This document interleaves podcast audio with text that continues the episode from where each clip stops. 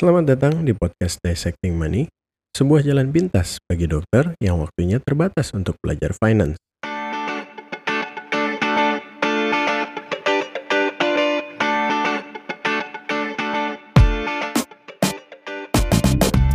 Oke, kali ini saya akan bicara mengenai mengapa saya tidak melakukan yang namanya trading saham atau dikenal dengan nama market timing kalau misalnya kita belajar finance.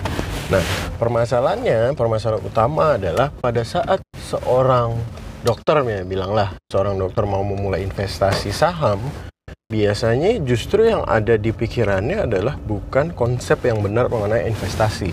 Justru di kepala dia yang ada saham itu adalah trading gitu. Uh, makanya saham itu sering kali dikaitkan dengan investasi saham sering kali dikaitkan dengan perjudian karena yang terdengar di luar sana itu justru konsep trading gitu, bukan konsep menabung saham atau value investing yang sebenarnya. Dan kenapa saya mau bahas ini secara khusus bahkan sampai uh, uh, sekarang ini saya lagi ngerekam dalam uh, perjalanan ke mau visit sebenarnya mau visit pasien.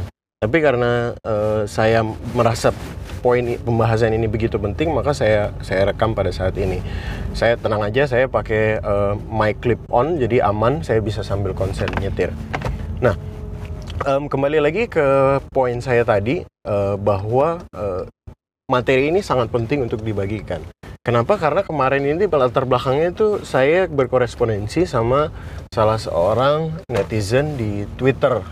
Kenapa? Karena pertama kali e, mulainya begini. Saya tweet sesuatu, sebenarnya bukan kata-kata saya. Yang saya tweet itu adalah kutipan dari eh, buku-buku uh, finance yang saya baca dan semuanya sama. Nah, kutipan tersebut bunyinya begini.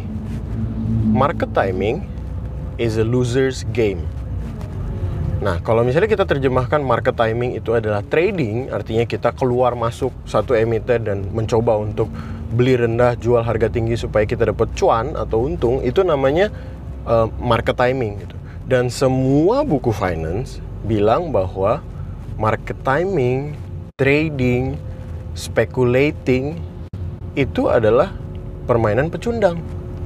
Jadi um, pada tweet berikutnya saya hanya sebenarnya hanya men menerjemahkan aja bahasa Indonesianya dari dari kalimat tersebut gitu. Market timingnya saya bilang sebagai trading saham, um, loser ya loser. Di KBBI pun sorry di Google Translate pun kalau kita terjemahkan loser ya artinya pecundang gitu. Sehingga saya tweet kata berikutnya dalam bahasa Indonesia trading saham adalah permainan pecundang.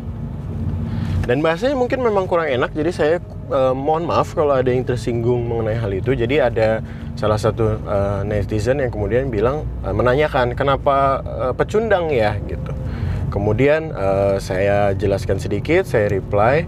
Kemudian dia balas lagi dengan uh, saya dan uh, beberapa dokter-dokter yang saya kenal melakukan trading. Memang kok trading itu bukan untuk semua orang. Tapi apakah artinya kami pecundang? Gitu. Oke, kemudian di tweet berikutnya saya mohon maaf, um, tapi um, saya bersikeras memegang pendirian ini.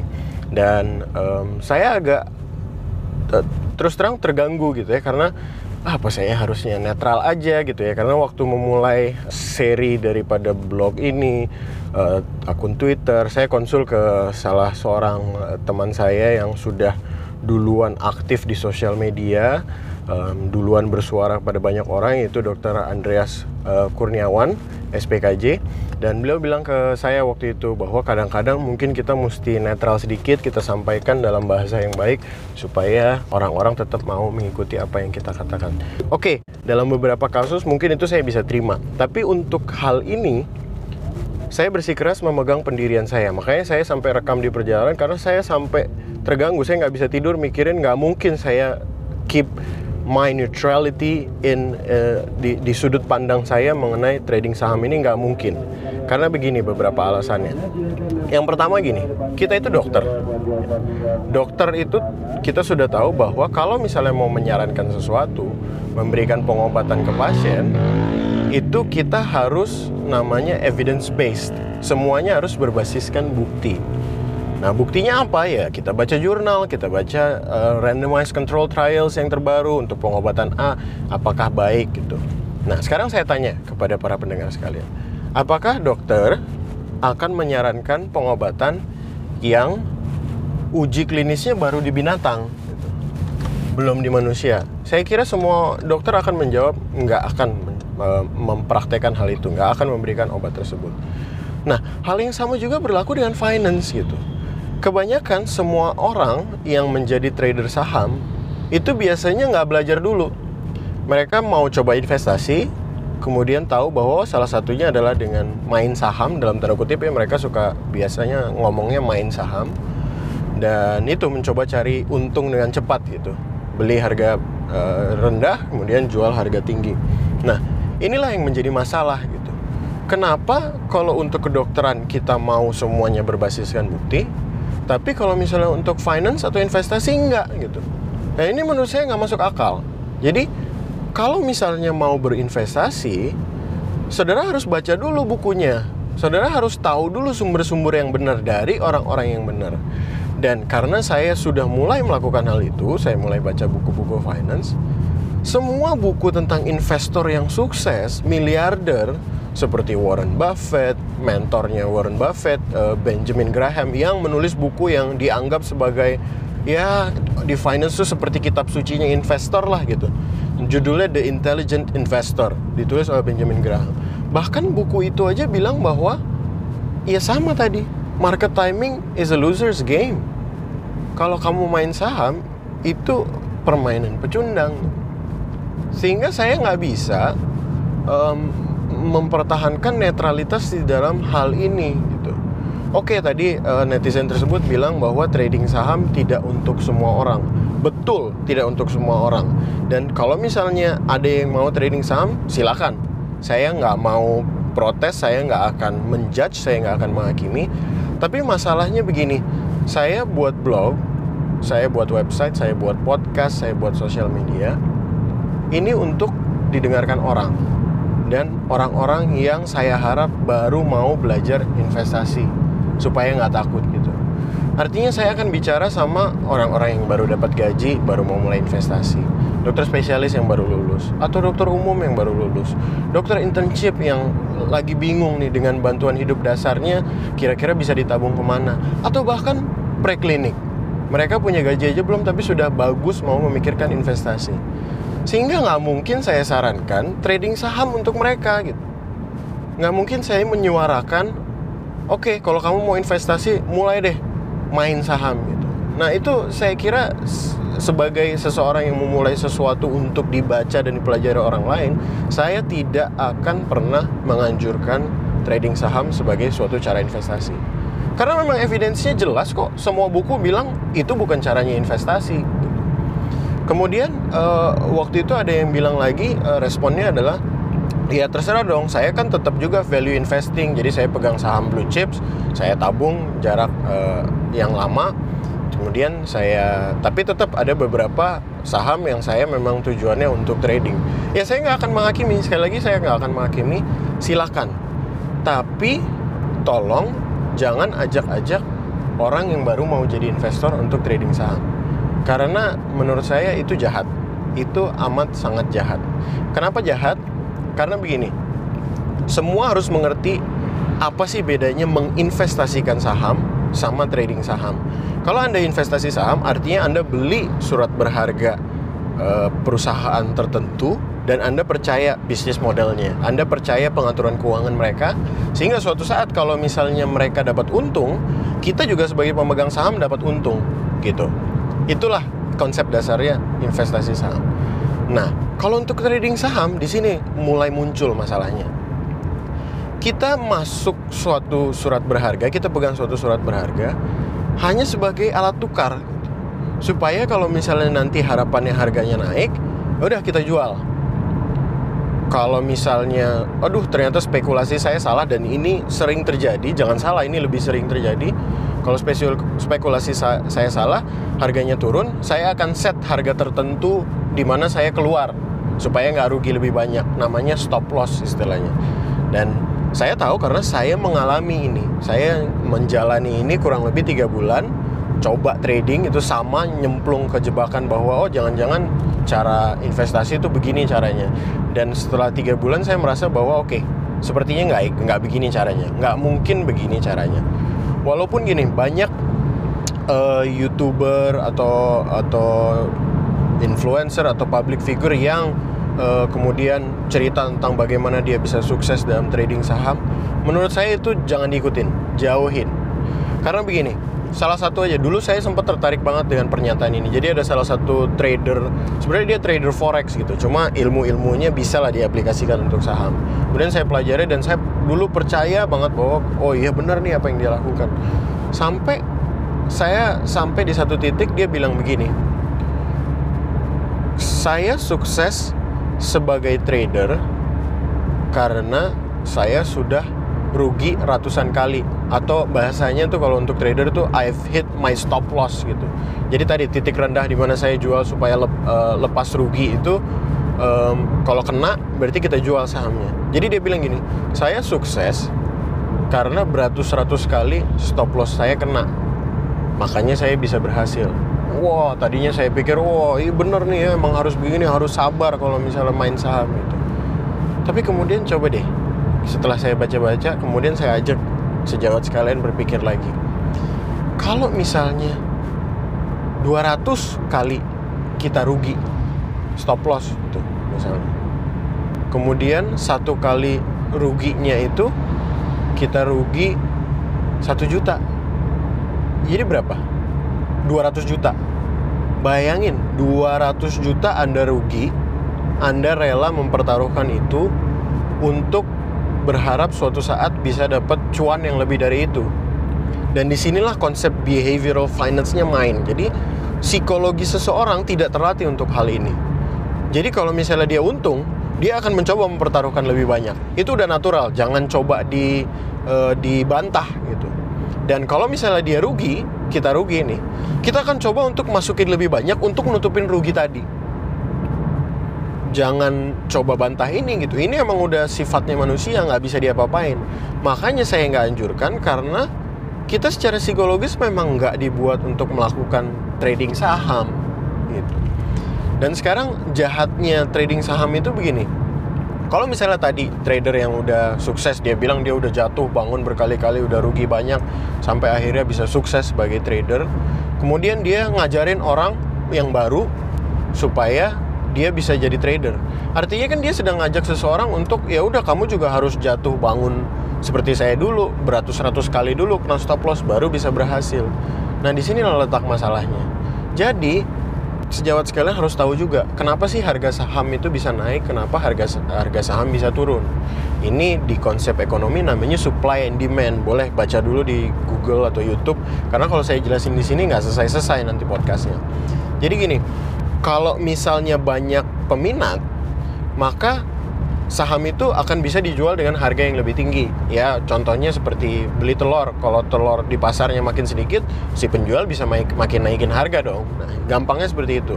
Jadi, bayangkan ada satu pasar di mana misalnya kita mau beli satu emiten, banyak yang mau beli, banyak yang mau beli, tapi biasanya ini saham gorengan itu yang biasanya saham-saham kecil.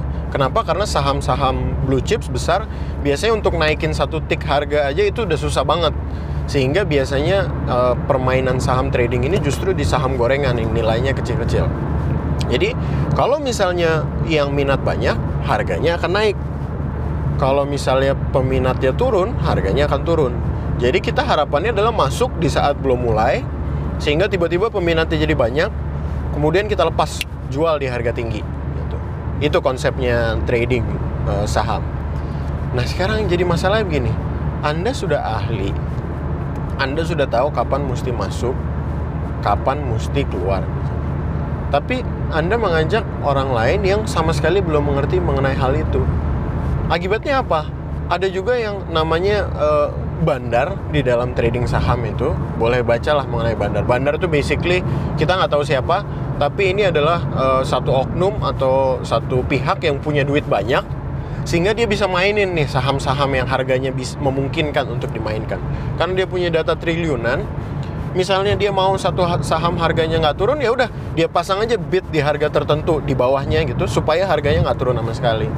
Nah pada saat dia mau pompa istilahnya dia akan kemudian taruh bid banyak, harganya naik sedikit demi sedikit, sedikit demi sedikit, sedikit. Nah kemudian investor retail seperti kita yang nggak ngerti akan mulai, eh harganya mulai naik nih, kita masuk, kita masuk, kita masuk. Nah sampai satu titik tertentu si bandar ini mau ngambil untung misalnya, dia akan tiba-tiba lepas bidnya, dia jual pokoknya, dia akan jual dan akibat dia menjual dalam harga dengan jumlah yang sangat banyak, sahamnya langsung terjun, langsung merosot gitu, langsung nyelup istilahnya. Dan apa yang terjadi dengan investor-investor retail yang keluarnya udah pas pada saat harga tinggi, oke okay, dia dapat cuan. Cuma berapa persen yang begitu? Berapa persen yang dapat uh, pas keluarnya pas harga tinggi sehingga investor-investor lain yang ketinggalan akan rugi gitu. Dia tiba-tiba pada saat ngecek uh, pasar saham waduh saham yang kemarin lagi naik tiba-tiba udah di bawah harga beli gitu jadi rugi dan jangan salah mayoritas trader bukan yang sukses seperti yang tadi saya bilang berhasil cuan di jual di harga tinggi. Mayoritas adalah yang ketinggalan. Jadi kalau misalnya anda trader sukses dalam tanda kutip dan anda nyuruh orang lain untuk mulai trading juga itu sama aja Anda sebenarnya sedang ngajak begini, oke, okay, kamu masuk juga dong trading saham supaya kamu bisa uh, jadi salah satu yang kalah dan sehingga saya bisa dapat untung dari duit kalian. Coba pikirin, kalian mungkin merasa saya kok anti banget dengan yang main trading. Coba pikirin, untung dari trading saham kan sebenarnya begitu. Anda mencoba cepat ngambil cuan, caranya gimana? Dengan ngambil duit orang, orang yang rugi Padahal sebenarnya kalau misalnya kita investasi saham, kan tadi saya bilang kita harus value investing. Kita percaya sama perusahaan yang kita pegang. Dan kita nggak mencoba untuk keluar. Justru kita mendukung dengan cara beli surat berharga itu. Dengan harapan kalau misalnya si perusahaan itu dapat untung, kita juga kebagian untungnya. Baik itu dari harga penjualan uh, saham tersebut berlembar ataupun dari yang namanya pembagian dividen. Jadi tolong dimengerti bahwa amat sangat berbeda antara trading saham dengan investasi atau investasi saham. Nah, kemudian satu poin lagi nih yang saya mau uh, tekankan mengapa sih saya nggak menganjurkan dokter untuk jadi uh, trader? Karena gini, trading itu dan lagi-lagi saya bilang ini evidence based semua buku bilang gini. Trading itu ibaratnya seperti ini. Kalau anda baru mulai, baru satu tahun, dua tahun mulai belajar finance, anda trading, anda itu seperti lagi nyoba main poker tahu kan ya main judi poker main poker di table high roller gitu di meja yang isinya orang profesional semua ya secara statistik ya nggak mungkin lah anda menang kecuali emang benar-benar lagi hoki gitu poker face anda aja belum latihan mereka udah lebih jauh lebih jago dari itu nah analoginya gini jadi kalau misalnya anda belum ngerti tiba-tiba terjun ke trading saham, Anda itu lagi sebenarnya bermain sama profesional-profesional dunia trader. Gitu. Makanya saya nggak akan sarankan gimana caranya kita mau mengalahkan mereka. Apalagi seorang dokter nih, kita punya jam poli, kita punya jam praktek, kita punya jam operasi.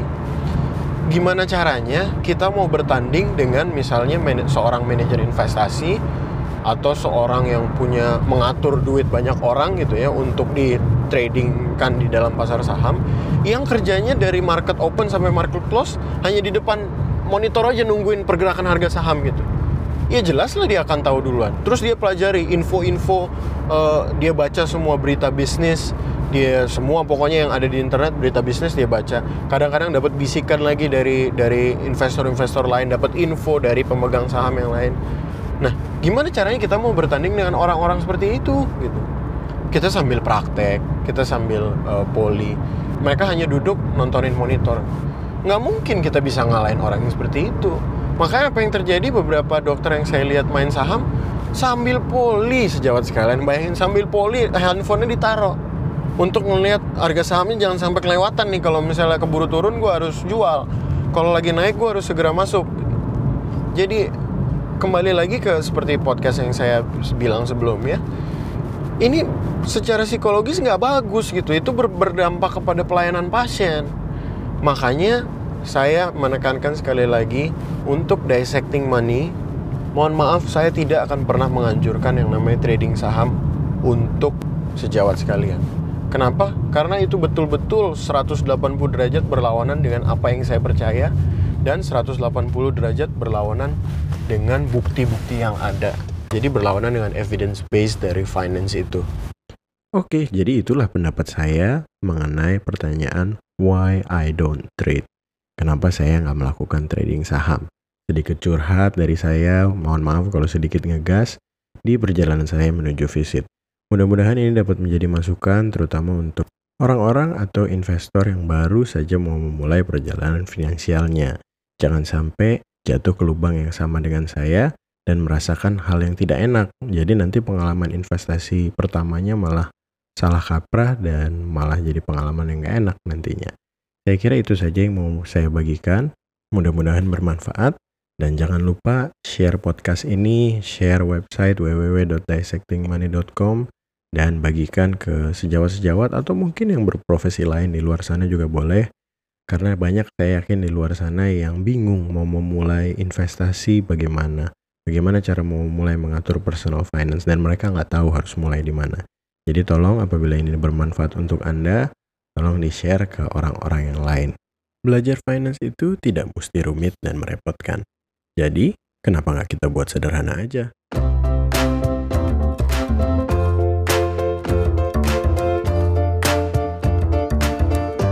Sedikit disclaimer bahwa saya, Dr. Gefta Toping, adalah seorang spesialis ortopedi.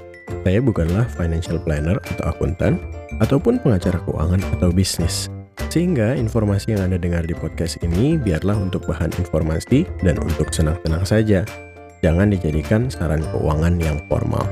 Terima kasih, sampai jumpa di episode podcast berikutnya.